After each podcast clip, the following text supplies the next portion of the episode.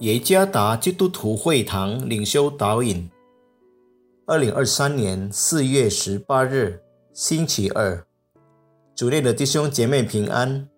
今天的领袖导引，我们要借着圣经路加福音十四章二十五到二十六节来思想今天的主题：在你人生中，谁是最有意义的人？作者赖永兴传道。路加福音十四章二十五到二十六节，有极多的人和耶稣同行。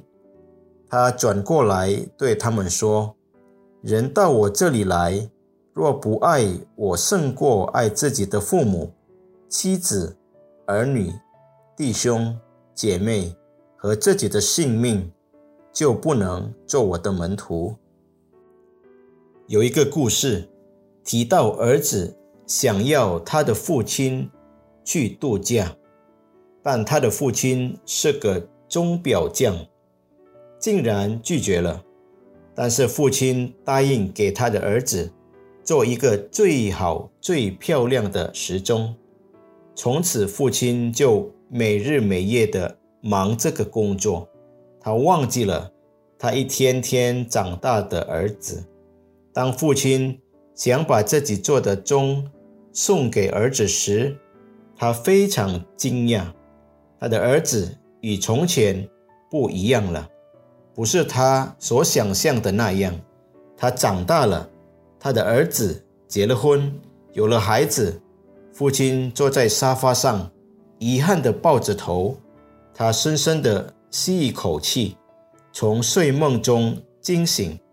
还好，这只是一个梦。他很庆幸。这一切并没有发生。讲这个故事的人用一句优美的句子做结束：给对你最有意义的人做最有意义的事。人生最有意义的是什么？在我们这一生中，谁是最重要的人？是不是神在我们的生命中最重要？好不好？我们再想一想，上帝真的是？最重要的吗？上面的故事提醒我们，今天有许多非常忙碌的人，他们为最重要的人忙于工作和赚钱。事实上，他忘记了最重要的是，这是会使他的人生变得有意义。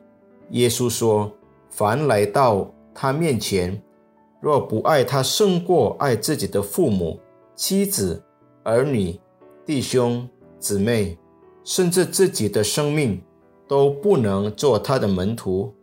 换句话说，耶稣必须是我们今生最有意义的主。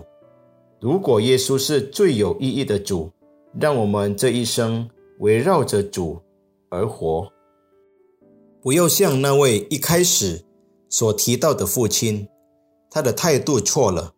这位父亲向主耶稣所劝勉的马大，他认为自己很忙碌的为耶稣做很多事。一个人忙碌的工作，殷勤的参与服侍，当然没有错。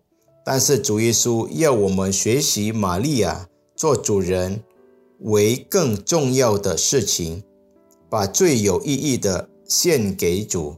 这样的奉献不仅仅是。物质性的东西或财物，有时把最重要的献给神，也不能用参加教会活动的次数来衡量。最有意义的奉献，有时也不一定是参加社会公益活动。在上帝眼中，做主公应该从完全的悔改开始，我们的心越来越亲近他。这样，我们才会学习把整个生命奉献给他。谁是你人生最重要的人？你愿意为他献上什么？你愿意为他献上你的生命吗？愿上帝赐福弟兄姐妹们。